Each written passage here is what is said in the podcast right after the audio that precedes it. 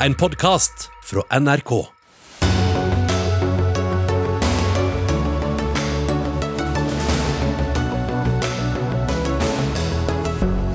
Mens krigen fortsetter på bakken i Ukraina, har en FN-domstol startet etterforskning av krigens legitimitet. Krigen viser igjen behovet for et samlet Europa, mener Europabevegelsen, som ønsker seg en ny EU-debatt. Samarbeid er bra, men vi trenger ikke EU-medlemskap for det, svarer en stortingsrepresentant.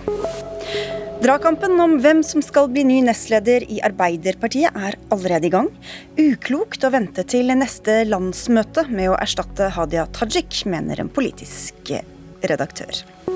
Og forskere ved Forsvarets høgskole må la uniformen være igjen hjemme når de skal mene noe på TV, sier en samfunnsdebattant. Uaktuelt å skulle regulere dette, svarer Forsvaret. Vel møtt til Dagsnytt 18, hvor vi også får besøk av en ny statsråd og en annen en som reiste til Ukraina på egen hånd for å hente flyktninger til Norge. Mitt navn er Sigrid Solund. Nå er det tolv dager siden Russland invaderte Ukraina, og i dag startet en FN-domstol etterforskning av krigen. Det skjer på oppfordring fra ukrainske myndigheter. Russland hevder nemlig at de var nødt til å invadere landet for å stanse et folkemord i utbryterregionene Luhansk og Donetsk. Disse anklagene vil Ukraina ha seg frabedt. Simen Ekern, NRK-korrespondent i Brussel, du fulgte med på denne høringen i dag. Hva var det som skjedde? Det som skjedde var at Ukraina fremmet sitt syn på saken, der de gjentok det som står i den skriftlige begrunnelsen i forkant, nemlig at man ber retten om umiddelbart å beordre Russland fra å stanse krigshandlingene, som, som er begrunnet da, sa, som, som man sa, som er da begrunnet i disse påstandene om et pågående folkemord i Luhansk og Donetsk, som Ukrainas representanter hevdet ikke bare er falske, men absurde, og nok et eksempel på hvordan Russland utviser en slags forakt for internasjonale rettsprinsipper.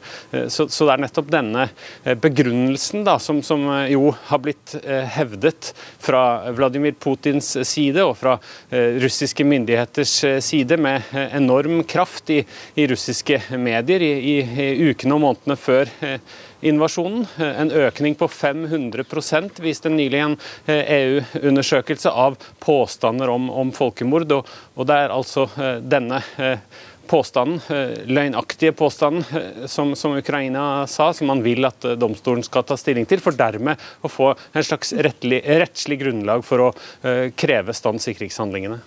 Bli med oss litt til, Simen. Cecilie Elstad, forsker ved Folkerettsinstituttet ved Universitetet i Oslo. Hvilken betydning har dette for Ukraina dersom de blir renvasket? Ja, Dette er ikke en domstol som på en måte behandler en sak på samme måte som vi er vant med. Det kommer ikke en, en dom på, på, samme måte. Denne domstolen eh, har i oppgave å ta stilling til om folkemordkonvensjonen er brutt. Og Grunnen til at eh, domstolen kan behandle en sak hvor Russland er part, er at det er noe som er opplegget under folkemordkonvensjonen. Så dette er en del av den måten Ukraina prøver å binde Russland til at det er en aggresjon som har foregått, brudd på FN-pakten, og det er ikke en eskalering av en allerede eksisterende konflikt, hvor Russland har eskalert fordi det har pågått et folkemord. Så det er en del av det Ukraina forsøker å gjøre internasjonalt, å bygge en sak som binder alle land i verden, inkludert Kina og India og alle andre til å forholde seg til dette som en aggresjon, og ikke det som Russland hevder, at en eskalering pga. det Ukraina har gjort. Så det Ukraina har sagt, er at eh, påstanden til Russland om at vi har bedrevet folkemord, den er feil. Og så har de bedt domstolen om å ta stilling til det. Og så har de sagt vi mener at Russland begår folkemord. Og så har de bedt domstolen om å ta stilling til det. Så det er en kamp om virkeligheten her, da? Dette er en kamp om virkeligheten, og ICJ er FN-domstolen som har på en måte eh, De har kompetanse til å si noe om folkeretten. Og hvis de konkluderer med ting som har relevans for denne aggresjonskrigen til Russland, så vil det binde på en helt annen måte. Hvordan Simen, forholder Russland seg til denne domstolen? Vel, De forholder seg til denne domstolen ved å ikke møte opp, i dag i alle fall. De har jo gitt beskjed på forhånd om at de ikke er interessert i å delta i disse uh, muntlige uh, høringene. Man kan jo se for seg at kampen om virkeligheten sett fra Kremls side allerede er vunnet, i den grad Putin selv tror på denne begrunnelsen om folkemord. Så, så, er det kanskje viktigere for ham at den russiske befolkningen gjør det, enn at internasjonale rettsvesenet rettsvesenet gjør det, eller at FN-domstolen eh, gjør det. Så det vil jo være en kynisk eh, eh, fortolkning av det hele, at man rett og slett ikke bryr seg. Det var i alle fall hvordan Ukrainas representanter utla det faktum at Russland ikke valgte å være til stede i dag, at de ikke engang anerkjenner FNs høyeste Eh, juridiske organ i denne, i denne, saken, og at uh, dette er en diskusjon som, uh, som, man mener at man har vunnet på, på, hjemmebane. Og det store spørsmålet er jo i hvilken grad vil et russisk publikum få vite om domstolens uh, uttalelse, gitt mediesituasjonen i, i, Russland nå, og gitt meldingene om at man skal eh, skru av internett på et eller annet eh, vis eh, i Russland også. Så, så, dette er en kamp om virkeligheten, som du sier, men det er jo en kamp om virkeligheten som foregår på veldig mange forskjellige plan, og med litt uklare spilleregler. Ja, Putin har ikke lyttet så voldsomt til uh, internasjonale reaksjoner foreløpig, Helstveit. Er det grunn til å tro at han vil bry seg om hva som skjer her? Ja, han bryr seg om det, men han bryr seg om det når det begynner å bli farlig. Og det som skjer i Den internasjonale domstolen, der sitter det 15 dommere som er utpekt av verdensstater. Og det sitter en amerikansk dommer, en russisk dommer, en kinesisk dommer, en indisk dommer, en tysk. Så de representerer på en måte også litt sånn eh, verdens eh, store stater, på en måte. Og det er veldig sjelden at den domstolen tar stilling i veldig kontroversielle politiske spørsmål, som dette jo er. Så det er nok ikke så stor sjanse for at de kommer til å gi Ukraina det de ønsker i denne saken. La oss se litt videre på andre mulige, om ikke utganger, så i hvert fall um, veier videre i denne krigen, Simen Ekern. Det har vært nye samtaler i dag mellom Putin og Frankrikes president Macron. Da var det vel særlig disse humanitære korridorene som sto på programmet. Vet vi noe om hva som kom ut av disse samtalene?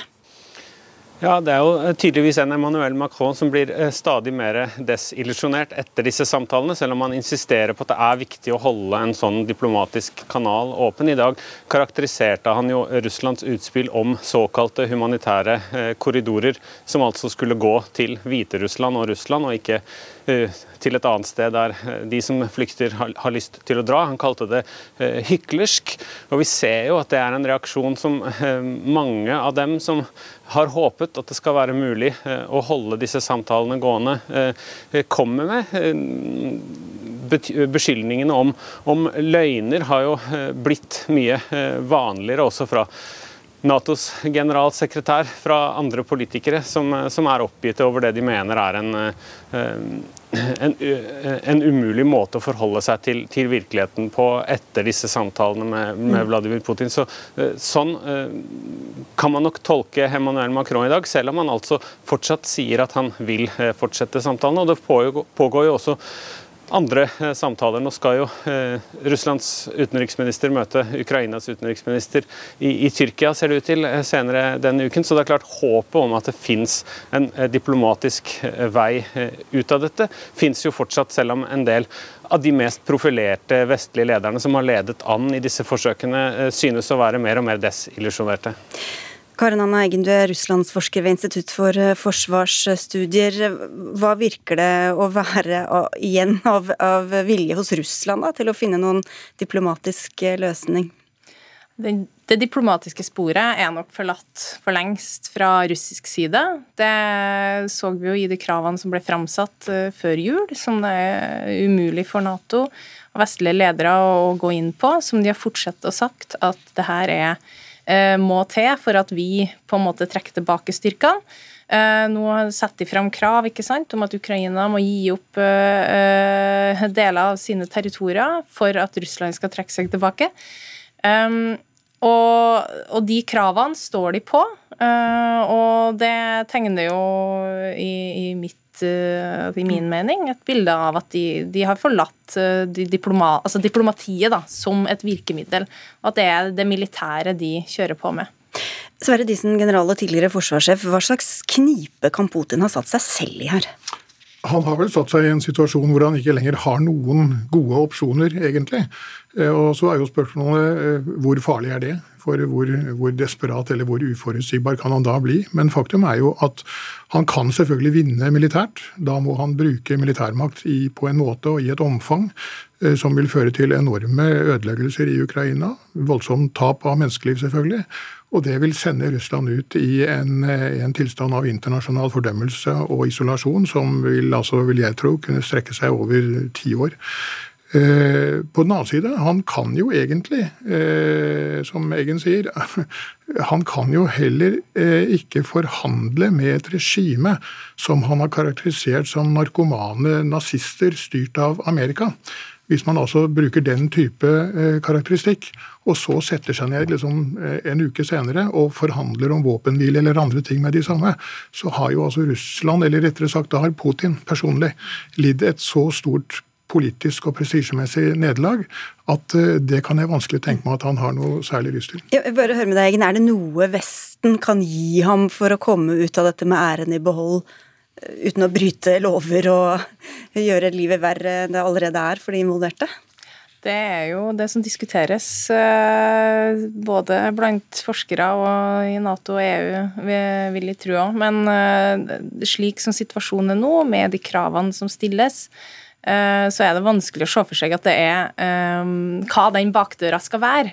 Eh, fordi frontene er så steile. Virkelighetsoppfatningene av hva som er både årsaken til konflikten, eh, hvem som på en måte har rett, eh, er Det er så stor avstand at det er, det er, vanskelig å se for seg hva den bakdøra skal være, men det er jo noe som diskuteres, og Sverre har sikkert noen gode innspill der òg.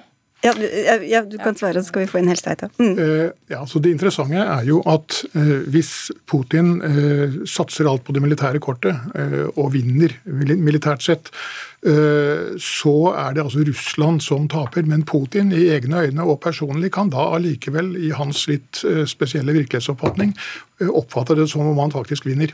Mm. Hvis han derimot altså går på et sånt personlig prestisjenederlag ved å forhandle, da, da, vinner jo på mange måter Russland. Altså det er jo det vi må si er i, i Russlands objektive nasjonale interesse på sikt, men Putin personlig taper. Og det gjør jo at Putin faktisk kan tenkes å gjøre det som eh, i hans igjen spesielle virkelighetsoppfatning fortoner seg som det mest tiltalende alternativ. Eh, men vi skal altså huske at krig er per definisjon et spørsmål om politikk. Eh, om å endre politiske forhold. Og en krig som altså ender uten noen form for politisk oppside, det være seg for Russland eller for Putin, den er per definisjon tapt. Selv om man skulle vinne militært. Mm. Det som har skjedd eh, de siste dagene, er jo at både Kina og Israel har meldt seg som, som, meglere. og De er jo utenforstående, men begge land har et ganske nært forhold til Putin. Israel har sagt at de anser dette for å være et folkerettsbrudd, men de forholder seg nøytrale fordi de har så stor De er så avhengige av Russland eh, i Midtøsten at de på en måte tar ikke stilling. Eh, og Kina har heller ikke tatt stilling, men kan gjøre det. Så de har ekte pressmidler overfor Putin. Eh, Putin har jo også sagt at han nå ikke vil være med på atomavtalen, og hvis den ryker, så er det jo Israel som får en, en, en krig med Iran muligens i fanget. Så både Kina og Israel som utenforstående aktører, som har ganske nært forhold faktisk til Kreml, eh, og som kan virkelig presse ham, de har kommet inn og har en egeninteresse i at dette her nå legges i bero. Så jeg tror nok kanskje det, det, lyspunktet vi har sett de siste par dagene, er at Kina og Israel har kommet utenifra med egeninteresse i i å få til en løsning mellom partene, hvor jo vi selvfølgelig er en part på én side. Så en slags diplomati, diplomatisk ja. motstander da, til Russland. Diplomati er kanskje en vei ut, eller uh, bare en rett og slett militær utgang på det til slutt, som du var inne på, Disen. Men så har vi også en, en tredje mulighet som vi har snakket om, Meggen, nemlig at Putin som vi sa, og Putin og Russland er to ulike størrelser. At han får sine egne vendt mot seg. Hva skal skje for at det, at det er en, et utfall? Ja, Det er jo de egne, altså eliten og de rundt Putin. Og så er det jo egen befolkning som er spørsmålet. Eh, om de vil ta til gatene i stort nok omfang. Akkurat nå det, pågår det jo mange eh, demonstrasjoner rundt, spredt rundt omkring i Russland. Men skal du på en måte få en reell folkelig opprør som vil kunne ha en effekt, så er du jo nødt til å samle en masse i Moskva, mest sannsynlig. Uh, elitene, det er litt vanskelig. Det er uh, å se for seg at de vender seg ryggen, både pga. hvordan det, sikkerhetsstrukturen i Russland er bygd opp. Og i tillegg til at det her er folk som har vært med Putin hele veien. De er lojale, de kjøper narrativet. Og, men så klart, får du jo stor nok folkelig eh, motstand, så er jo det et alternativ. Problemet er nettopp det med hva kommer ut av informasjon til folket. Og det her er jo ikke noe som har skjedd over natta. Det er lover og regler som har um, stengt ikke sant, muligheter for opposisjon, for uh, fri ytring, alternative stemmer. Det er kjempevanskelig, og det skrus enda mer sammen nå. Så det er vanskelig å se for seg uh, hvordan det her vil utvikle seg framover. Jeg tror jo at den eneste institusjonen i Russland som har både de fysiske maktmidlene og eh, den, skal vi si, den nærheten til Putin som skal til for å fjerne ham hvis det skulle komme til, eh, til det, det er jo de militære. Eh, og så er spørsmålet hvor eh, villige vil de være til det. Eh, det avhenger av altså hvor lenge de er villige til å se på at den russiske hæren eventuelt går på et ydmykende nederlag i Ukraina, hvis, hvis, de faktisk gjør det. Så tror jeg det er en, en grense hva det angår. Og så skal vi merke oss at Putin selvfølgelig ikke først og fremst bygger sin skal vi si, sikkerhet på hæren, men på sikkerhetsorganene, og det kan jo da også være en utfordring. Vi må si takk til dere alle sammen for at dere var med i dag også, får vi vel si. Sverre Disen, Karen Anna Eggen og Cecilie Hellestveit. Takk skal dere ha.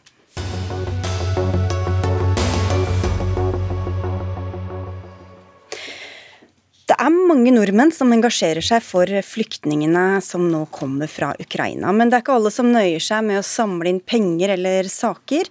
Noen har til og med reist til Ukraina for å hente hit noen av de 1,7 millioner menneskene som FN anslår at er på flukt fra landet. Espen Hovde, du kjørte buss til Ukraina, din egen buss, og hentet 29 ukrainske flyktninger på eget initiativ. Hva fikk deg til å gjøre det? Det var jo egentlig en pådriver, eh, Tommy Sharif, som starta det hele. Der eh, han eh, ønsket å reise ned til Ukraina. Og det blei litt sånn spontant, og alt ble jo egentlig spontant. Og med tanke på at jeg hadde tilgang til buss og hele den delen der sånn, så tenkte jeg at dette ville jeg være med på. Så jeg tok kontakt med Tommy, og vi begynte å jobbe opp imot det å kunne reise nedover. Eh, det var eh, oppretta Spleis, eh, slik at man kunne få inn penger til å kunne ta denne reisen. Vi hadde også noen i bakhånd som kunne liksom gå inn hvis vi ikke oppnådde den prisen man ønsket da på Spleis for å leie av buss og hele pakka. Altså sponsorer, rett og slett? Ja, blant mm. annet. Men, men, hva gjorde dere konkret? Altså, hvordan, hva slags planer la dere? Eh, planene var at vi fastsatte en eh, dato for når vi skulle reise. Og det var jo Da gikk det veldig fort. Og eh, man eh, begynte å tenke på hva er det man skal ha med over.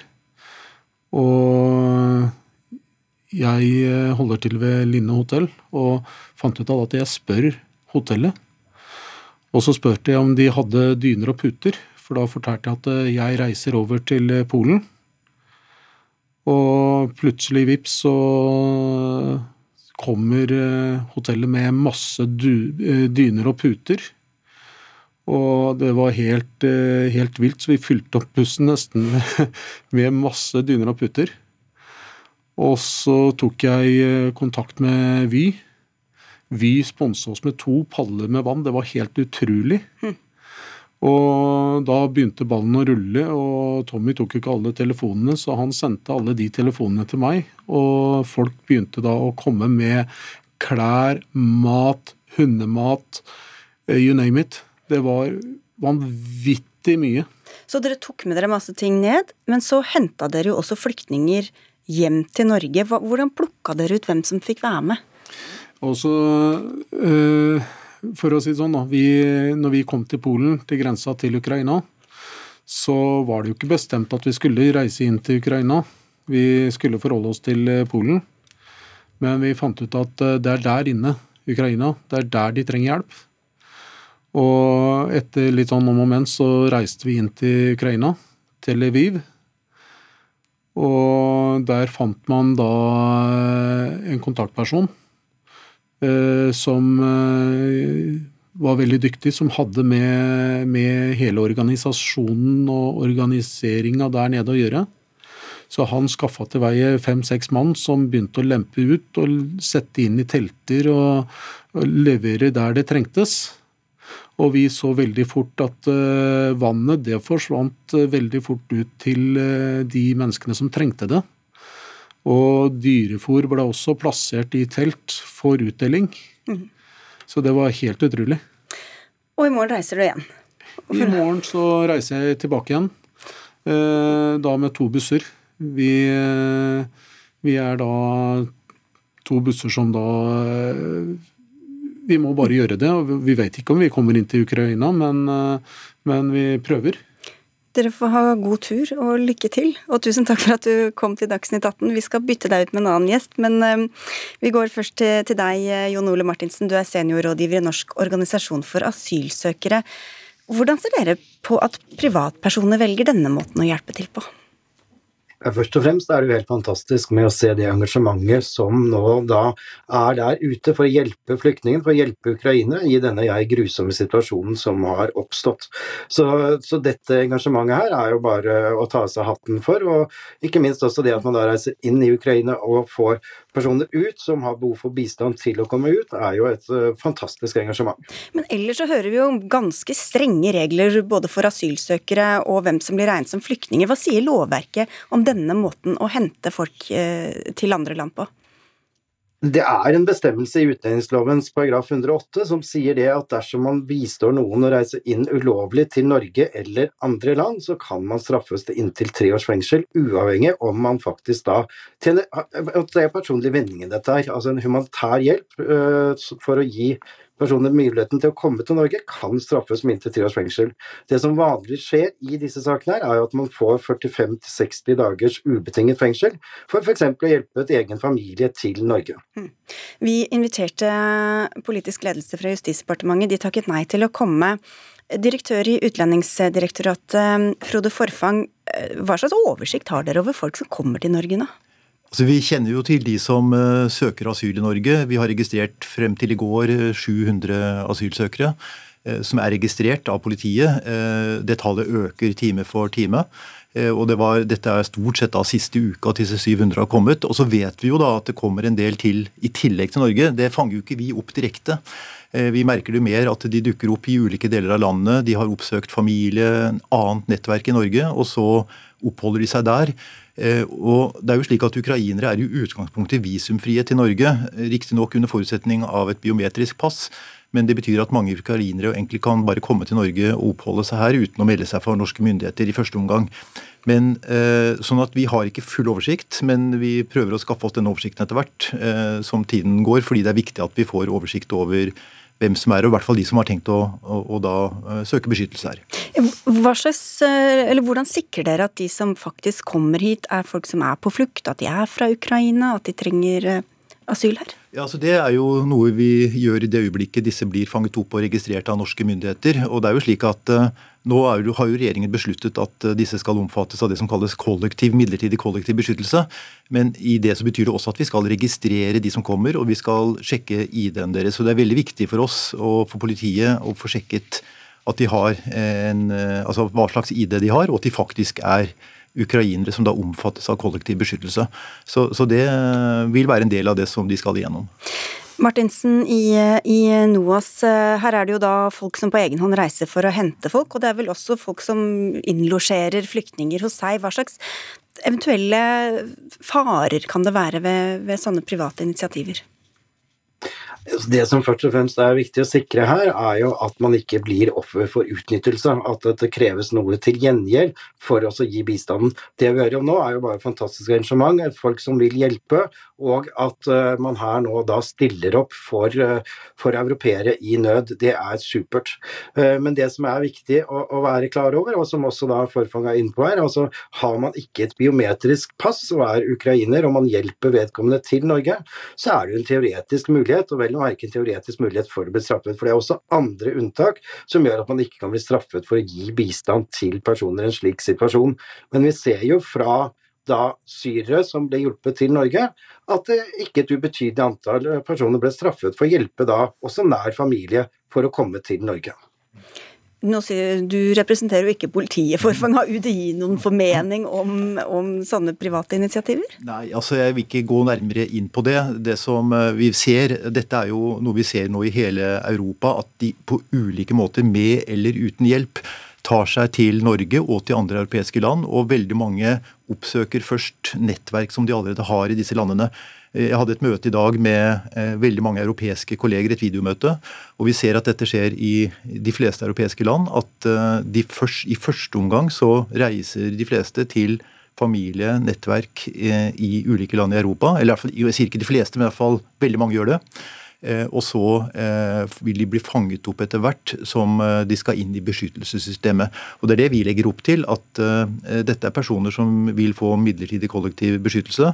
Vi ønsker jo så fort som mulig å få registrert disse. Vi holder nå på å bygge opp også et apparat for å kunne registrere dem andre steder enn ved det nasjonale ankomstsenteret eh, i Rådet.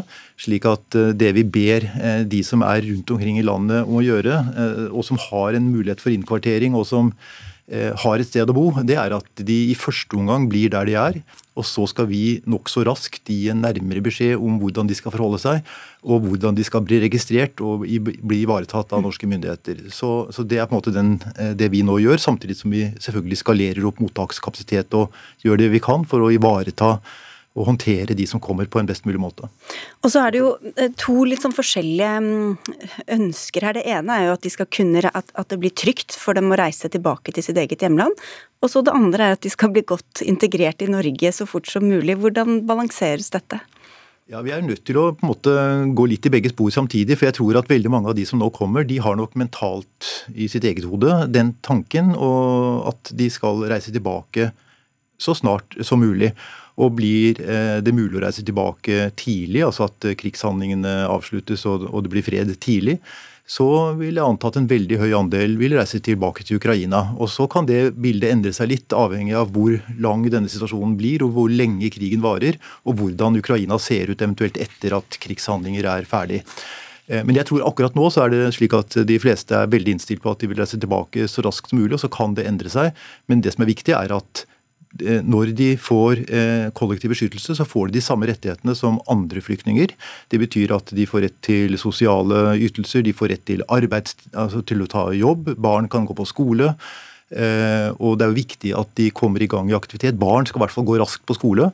Og de som kan jobbe, bør jo raskt få muligheten til å kunne gjøre det. Så på den måten så er det viktig at de kommer i gang i en mest mulig eh, vanlig, normal tilværelse. For vi vet jo ikke hvor lenge dette varer, og da er det viktig at vi legger vekt på at de skal få en normalitet så, så tidlig som mulig. Mm.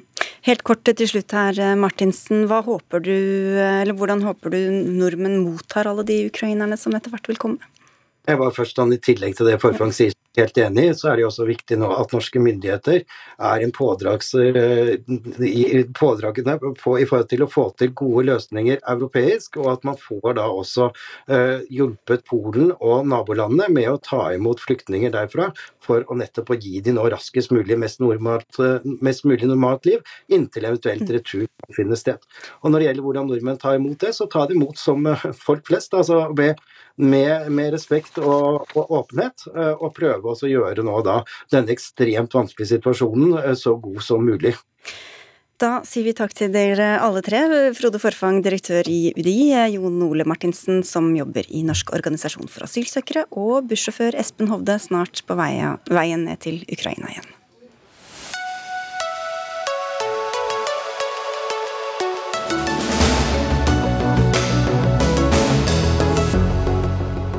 Bør Norge knytte seg tettere opp mot Europa, og innebærer det eventuelt et norsk EU-medlemskap? Den debatten har blusset opp igjen som følge av nettopp Russlands krigføring i Ukraina. Heidi Nordby Lunde, som leder av Europabevegelsen så jobber du jo til enhver tid for at Norge skal bli med i EU, men hvorfor er det ekstra presserende nå, mener du? Altså De fortvilende bildene som vi ser nå fra Ukraina og Russlands eh, uakseptable angrep på den sivilbefolkningen der, endrer jo antageligvis Europa for alltid. Og Vi ser jo nå at flere tar til orde for en ny eh, europadebatt, også i, eh, i Norge. Um, hvis det er i krise, så står vi sterkere sammen. Det var jo noe av det som Ukraina også sa til EUs e parlamentarikerforsamling. Og vi ser nå at både Ukraina, Georgia og Moldova søker seg til EU, og EU i dag har sagt at de skal begynne å behandle søknaden deres. I tillegg så har jo vårt nærmeste naboland Danmark sagt at de eh, nå ønsker en ny folkeavstemning om å knytte seg inn i EUs forsvarssamarbeid, som de har hatt et unntak for de siste årene. Og Da syns jeg det er eh, naturlig at vi også tar denne debatten i Norge. EU-landet Danmark, altså, som vil knytte seg enda nærmere, kanskje.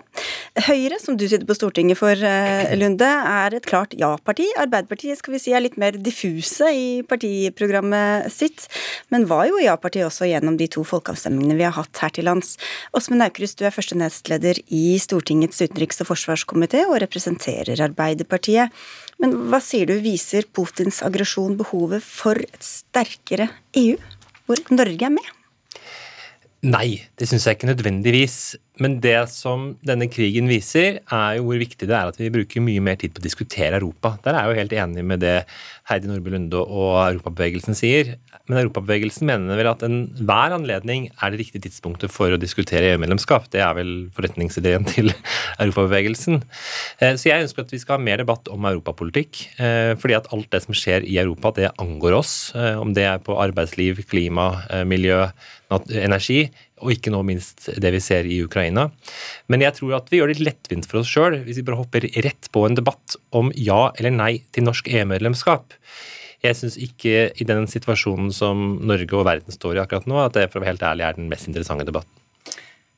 Ja, eh, Forretningsideen til Europabevegelsen, hvis vi skal komme til den, så er jo den fred og frihet i Europa. For vi ble jo stiftet i 1949 på nettopp det som var ruinene eh, av et ødelagt Europa etter andre verdenskrig, med løfte om at dette aldri skal skje igjen.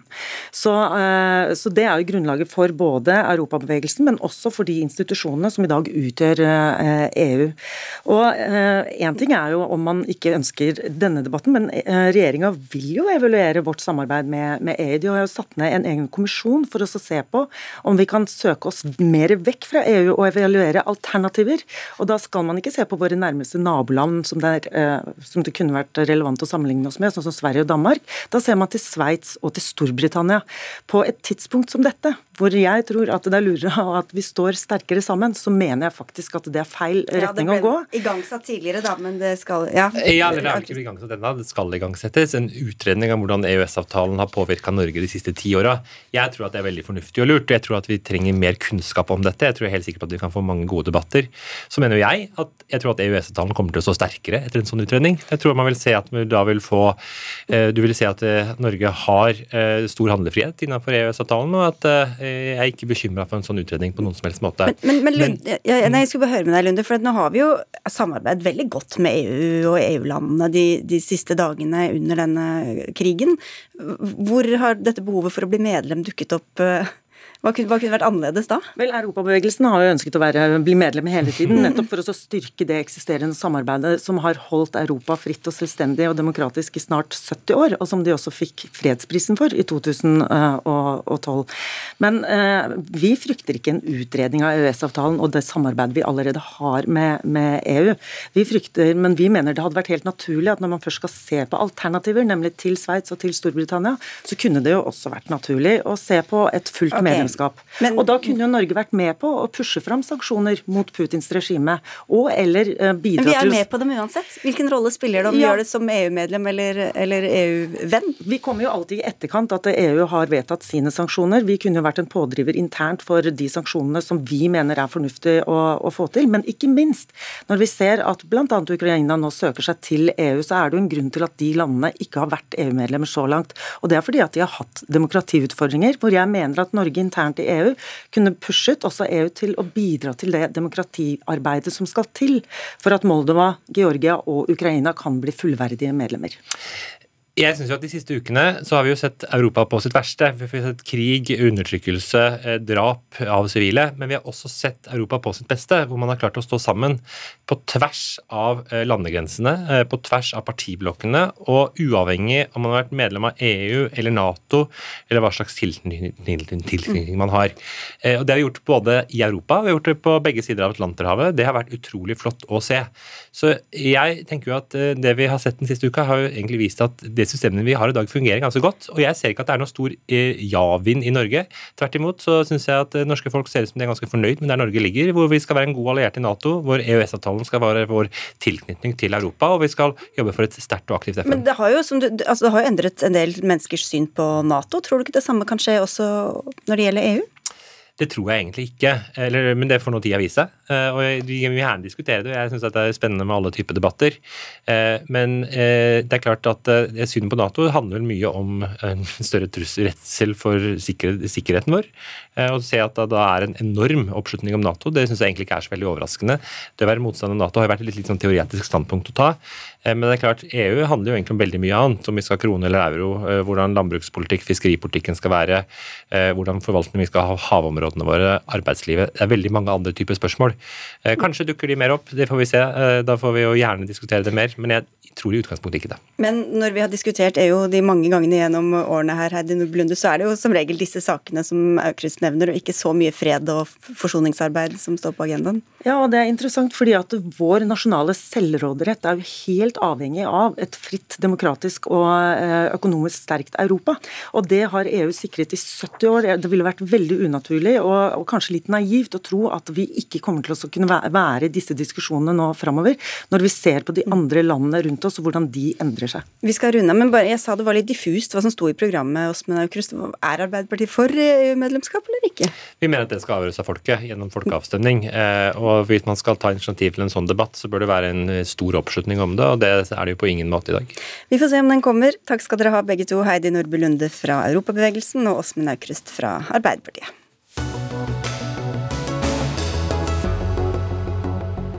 I ettermiddag gjennomførte Støre-regjeringa sin første statsrådsrokering etter at den tiltrådte i oktober i fjor. Dermed dukket en ny statsråd opp på Slottsplassen i vårsola sammen med en som skiftet departement. Bakteppet er dystrere. Hadia Tajik har som kjent trukket seg som arbeidsminister og nestleder etter flere saker om pendlerbolig og manglende skatteinnbetalinger. Likevel, Terje Aasland, gratulerer som ny olje- og energiminister. Tusen takk for det. Men hvordan er det å komme til jobben med dette bakteppet? Nei, det skulle selvfølgelig vært eh, andre omstendigheter eh, rundt akkurat det. Men så kom jeg også inn i Olje- og energidepartementet i en veldig krevende tid. Når du kikker ut av Norge, inn i det som skjer nå i Ukraina, situasjonen knytta til energi osv. Så, videre. så det er en stor oppgave. Det var en rask overgang fra det ene til det andre. Du ble omtalt som eh, gryteklar av statsminister Støre. Hva ligger i det? Nei, det må være at uh, han mener at jeg er eh, klar for oppgaven, da. Og det er jo hyggelig at han sier det sånn. Og så spørs det hva som ligger i denne gryta, da. Du ja, har jo jobbet med dette sakskomplekset. Hva er det du brenner for nå når du går inn i denne statsrådsposten? Det aller eh, viktigste eh, og det er å bygge en energipolitikk nå som gjør at vi eh, ser framtidsmulighetene til Norge og til også omgivelsene rundt oss, fordi det er veldig viktig. Men det å sørge for at vi har nok kraft og rimelig kraft for å bygge framtida, det er viktig. Det handler om det grønne skiftet. Klimagassutslipp skal kuttes. Vi skal skape nye, trygge arbeidsplasser. Og vi skal gjøre folk også trygge. For det de har opplevd gjennom denne vinteren, og opplever akkurat i dag, ekstreme strømpriser som gjør folk utrygge. Så vi må lage en ramme for at vi unngår det for ettertida. Ja, du nevnte jo selv Ukraina, og folk sier at nå blir Europa endret på, på lang sikt også. Hva om noe bør da denne endrede sikkerhetssituasjonen få å si for norsk olje- og gasspolitikk også på, på lang sikt? Det den situasjonen eh, nå viser oss, det er at det er veldig viktig at Norge er en stabil, forutsigbar og langsiktig leverandør av gass til Europa.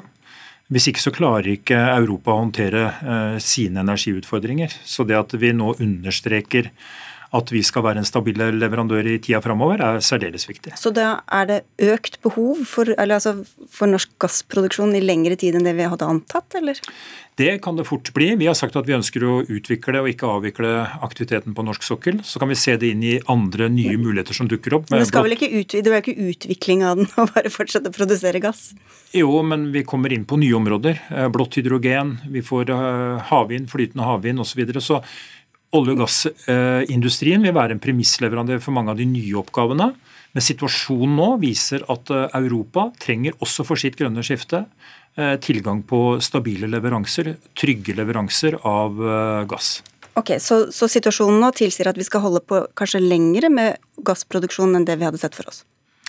Ja, Det er for tidlig å si noe om hva som er av ressurser og hva som er utvinnbart. og sånt nå, Men jeg syns det er veldig viktig i den tida vi nå lever i, hvor hele Europa, egentlig hele verden, ser hvordan eh, en energikrise med skyhøye priser, en anstrengt situasjon hvor en ikke er eh, trygg eh, på leveransene, så er det helt opplagt at vi må bidra til å skape stabilitet, fordi det er grunnlaget for framtida vår.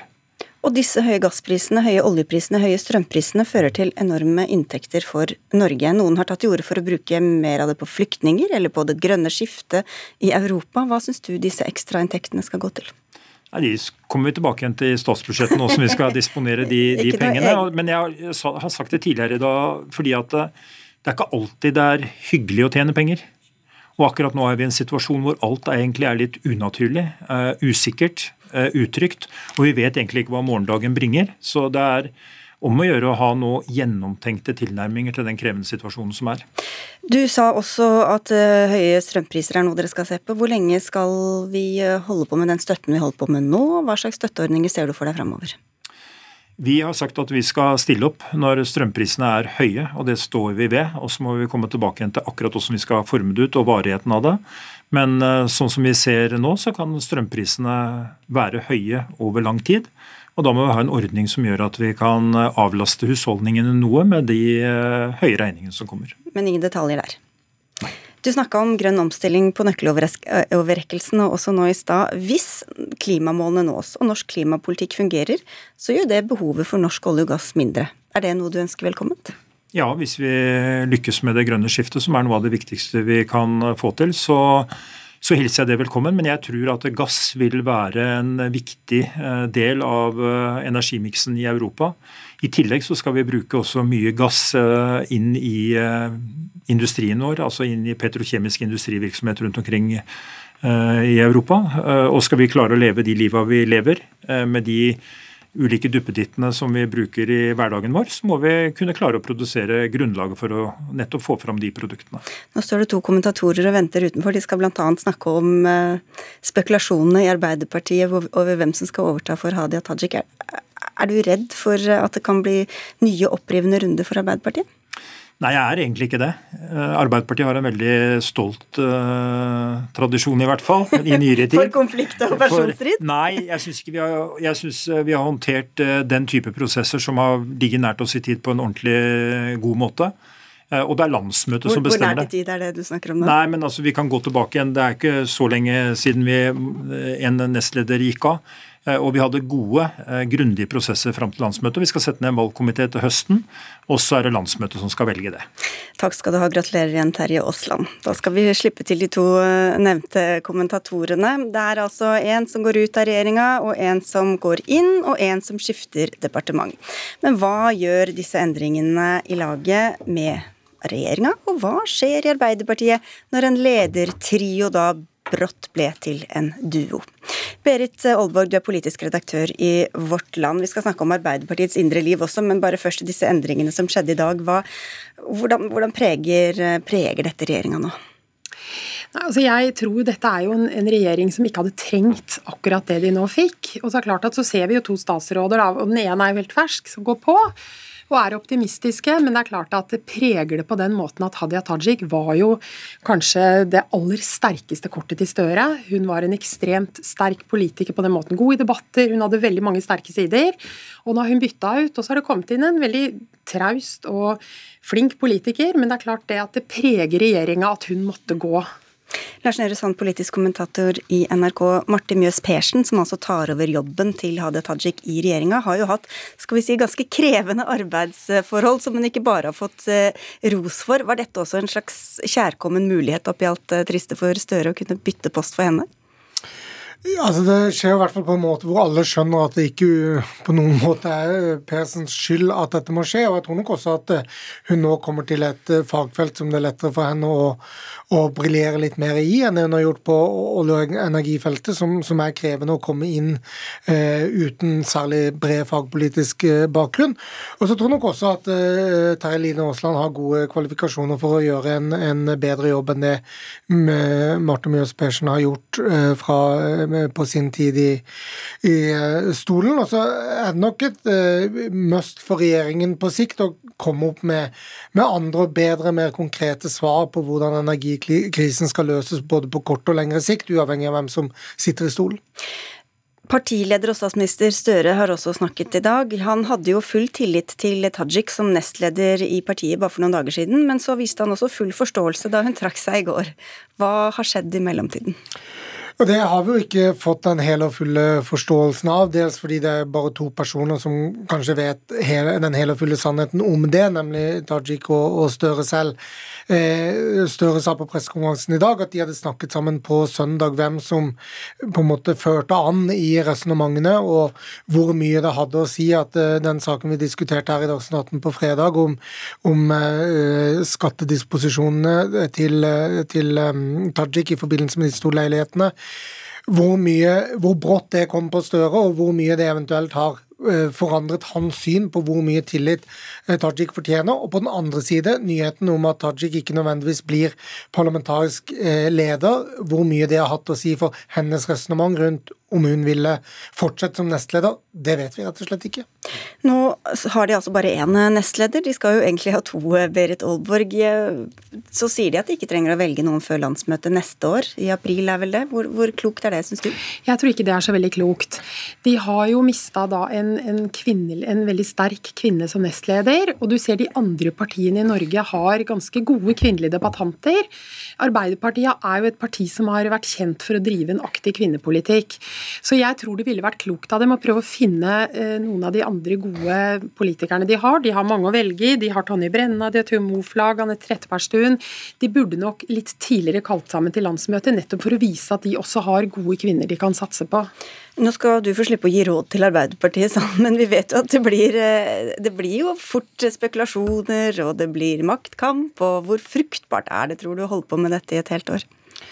Nei, Hvis det er det som skjer, så er det jo ikke fruktbart. Eh, hvis det som eh, skjer er at man får ro rundt eh, det som nå da er en, en ledertrio med, med Stenseng og, og Skjæran og Støre, at de får jobbe sammen. Ingen av de vil nødvendigvis utfordre nær sagt hverandre eller Støre som partileder.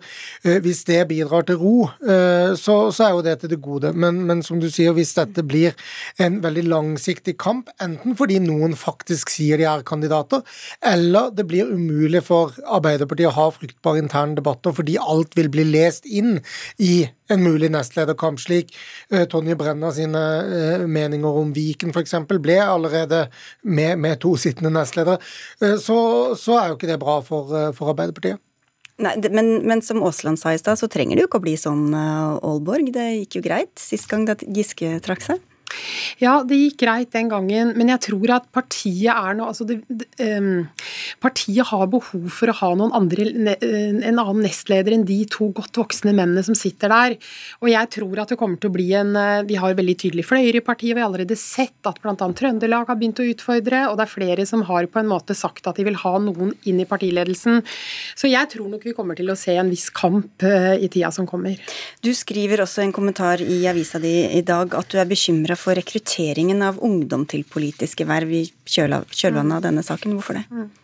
Jo, jeg tror det er ganske mange som sitter og ser på nå alle de stormene det har vært rundt sentrale politikere. Da er vi flere partier. Eh, og, som, eh, og særlig den, kanskje den generasjonen med politiske rådgivere som har vært rundt dem, hører jeg flere av de sier at de er, har ikke så veldig lyst å stå i den stormen, og er bekymra for at et eller annet de har gjort i løpet av sitt politiske liv, det kan enten være ting som har med, med den typen saker som har vært oppe nå med skattesnusk eller den typen ting, eller det kan være ting de har gjort dumme ting i sosiale medier, som de gjorde når de var kanskje 18, 19 eller 20 år. Så jeg er bekymra for at den typen storm skal rett og slett føre til at folk ikke tør å satse og gå den veien. Jeg, jeg, ser, jeg har snakka med flere som konkret nevner faktisk det akkurat nå for tida. Lars Nehru Sand, da Støre fikk spørsmål i dag på om dette var starten på slutten for Hadia Tajik som rikspolitiker, så svarte han ganske kontant nei. Hvordan leser du det? Det kommer veldig an på forhold som jeg tror det både for Tajik selv og, og oss andre umulig å, å, være helt konkrete på nå, rett og slett fordi det er langt frem i tid. Hun har jo frem til nå eh, vært ganske klar på at hun vil kjempe og, og fortsette i politikken, vil være en, eh, ja, aktiv i, i rikspolitikken. Og hvis hun står ved lag om eh, det ønsket neste gang det er en stortingsnominasjon i Rogaland, så kan hun få, få fire nye år på Stortinget og, og god tid. Eh, til å bygge seg opp. Og Så handler det selvfølgelig også om, eh, om eh, hvordan andre verv og andre posisjoner blir disponert, hvem som, som sitter der osv. Men at Tajik har kvalifikasjoner godt over snittet i norsk politikk, at hun, hun er en av de ypperste som, som, vil kunne drive dette langt hvis, hvis mange nok støtter henne i det, og hun gjenvinner den tilliten, det syns jeg er åpenbart. Vi får vente og se. Takk skal dere ha begge to, Lars Nehru Sand fra NRK og Berit Aalborg, politisk redaktør i Vårt Land.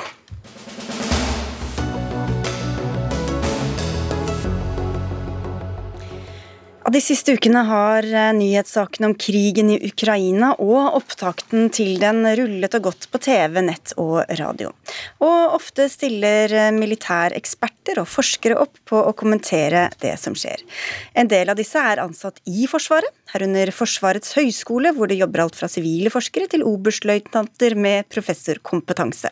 Når disse går fra å være nøytrale faktaformidlere til meningsbærere ikledd full uniform, så oppstår det et problem, skriver du i en kronikk i Nettavisen, mm. hvor du er spaltist, Elin Ørjasæter. Men hva er problemet med det? Ja, problemet er jo at vi som uh, seere blir veldig forvirret. Her 16.2, i dette studio, så satt jo en oberstløytnant i full uniform og nærmest ga Nato og USA skylda for at det var en spent situasjon eh, på grensen til Ukraina. Det er i hvert fall sånn du leste det. Ja, men da snakker jeg om Tormod Heier, som vel er den som setter problemstillingen på spissen, fordi han hele tiden er kritisk til Nato og USA. Eh, og jeg vil gjerne vite, når jeg ser en mann i full uniform, snakker han på vegne av Forsvaret, eller snakker han på vegne av seg selv som fri akademiker? Og Tormod Heier har både rett og plikt til å formidle faget sitt som akademiker. Så jeg syns det er fint at han sitter i dette studio, men jeg vil gjerne at han sitter her i sivil. Ok, da Vi skal komme tilbake til uh, Vi trenger ikke å snakke så mye om Heier, men, uh, men Øystein Kvarving, du er brigader og kommunikasjonssjef for Forsvaret. Hva er regelverket først bare for når dere skal gå i uniform, og når dere ikke gjør det? Ja, den eneste, altså Vi skal gå i uniform når vi er på jobb. Det, det er i hvert fall sikkert. Og så er det en, en sånn uh, en regel i uniformsreglementet vårt som sier at vi ikke skal gå i uniform i politiske demonstrasjoner eller utøvelse av et uh, politisk verv eller det å dele ut politisk materiale, løpesedler f.eks. Bortsett fra det så handler jo uniformen om at du representerer eh, Forsvaret. Eh, og det kan du gjøre i mange sammenhenger, og så er det mange detaljer rundt det. Men, eh, men til saken her så er, har jo Forsvaret en akkreditert høyskole som vi er veldig stolte av. Vi er også stolte av at vi har offiserer, yrkesoffiserer som har skaffet seg professorkompetanse, som Tormod Heier Eh, og andre som, har, eh, som er vitenskapelig personale, da, bare i uniform, liksom. Og så velger vi at det er riktig, synes vi, at de også har på seg den uniformen når de benytter seg av den akademiske ytringsfriheten sin. Og når de er i Dagsnytt 18, Røseth, jeg kan jo håpe at de gjør det fordi de syns det er hyggelig, men de er jo på jobb når de sitter her og analyserer? Ja, men eh, jeg syns det er en stor forskjell på å representere Forsvaret når du er på jobb, og å representere faget sitt som akademiker. Du sitter her i full uniform fordi du representerer Forsvaret, og det setter jeg pris på. For fem dager siden så var du i Dagbladet-studio eh, og forklarte meg og alle andre urolige borgere hvorfor vi ikke trenger å være redd for atomkrig, eh, selv om Putin da ruster opp også atomforsvaret. Og eh, da syns jeg det er veldig riktig at dere bruker full uniform. Men, hva hvis det hadde blitt atomkrig, da? Da hadde det vært akkurat det samme. Ja, da hadde han, tatt feil, feil men da hadde det norske forsvaret tatt feil. Men, men, jeg må bruke Heier som eksempel, fordi han er den som klarest uttaler seg stikk i strid med det jeg antar Forsvaret står for. Og men, det er bra at, han, at, at dere holder dere med alle typer eh, akademikere på Forsvarets mm. høgskole, men han bør ikke da stå i uniform, ja, du, du, og han trenger jo ikke det. Øyeblikk, nei, men rett et øyeblikk, fordi at Vi har jo noe som heter samtidig imøtegåelse, det vet vel du ja, som har sittet ja. i Kringkastingsrådet. Eh, nå er jo ikke Heier her, så hvis vi ikke trenger å nevne hans navn hele tiden, men vi har vært i kontakt med han, og han sier at det at befolkningen ser et forsvar som består av ulike meningsbærere, også kan oppleves som tillitsvekkende, fordi det nettopp er denne etaten som forvalter statens mest dramatiske og kontroversielle virkemiddel, og jeg tror ikke denne uenigheten svekker samfunnets tillit til Forsvaret fordi vi har en så sterk demokratisk tradisjon i det norske samfunnet hvor Forsvaret er godt plassert. Hvis du snakker litt generelt, Kvarving, hva, kan, hvor langt går denne meningene til forskerne som sitter her? Ja, den akademiske ytringsfriheten den strekker seg veldig vidt. Den strekker seg veldig vidt, og, og det er vel derfor uh, Elin Ørjasæter syns at det er problematisk. Det er klart et dilemma. Det er det, men vi mener, som Tormod Heier svarer, så mener vi at det er en styrke at veldig mange, langt, gjerne flere enn det som er i dag, deltar i det offentlige ordskiftet, også i uniform, om det som angår Forsvaret. Og det har vi ikke noe problem med. Vi pleier å si at folk kan snakke om det de har ansvar for selv, det de driver med, og så er ytringsfriheten til akademikerne den er veldig vid. Og så er det vel ikke sånn Ørjasæter, at Forsvaret har én mening i ett og alt, men kanskje bare ikke når du deler meningene til de som sitter her, det er da det oppstår et problem? Nei, altså nå har jeg vært litt på Facebook før jeg kom hit i dag, og sett hvor utrolig sinte akademikerne på Forsvarets høgskole er på hverandre. Og det er akkurat sånn som det pleier å være på høyskoler. Akadem... De må bare ikke ha uniform når de er sinte på hverandre? Nei, er det sånn? Nei, eh, altså for å bli litt alvorlig. Eh, dette handler jo om altså Forsvaret er ikke en hvilken som helst institusjon. Det handler om det virkelig aller viktigste, og det er eh, å sikre oss mot angrep utenfra.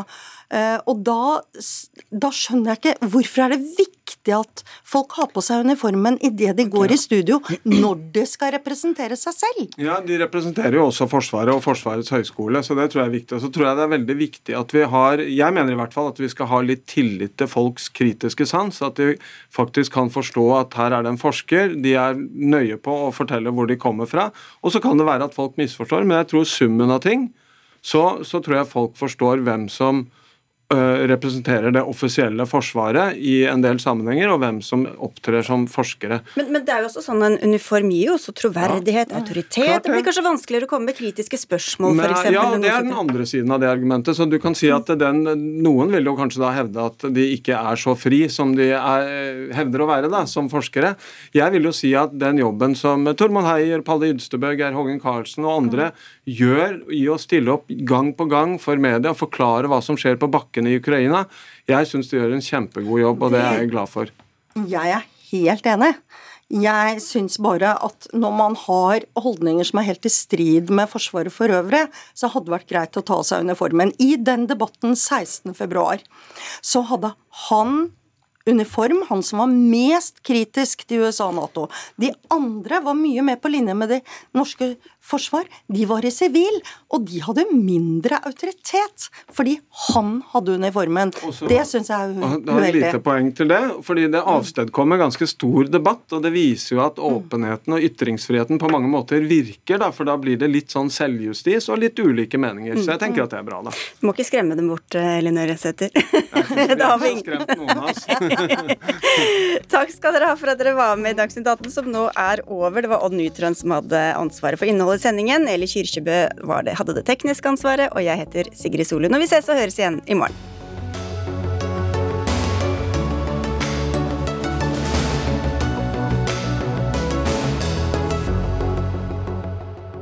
Du har hørt en podkast fra NRK. Hør flere podkaster og din favorittkanal i appen NRK Radio.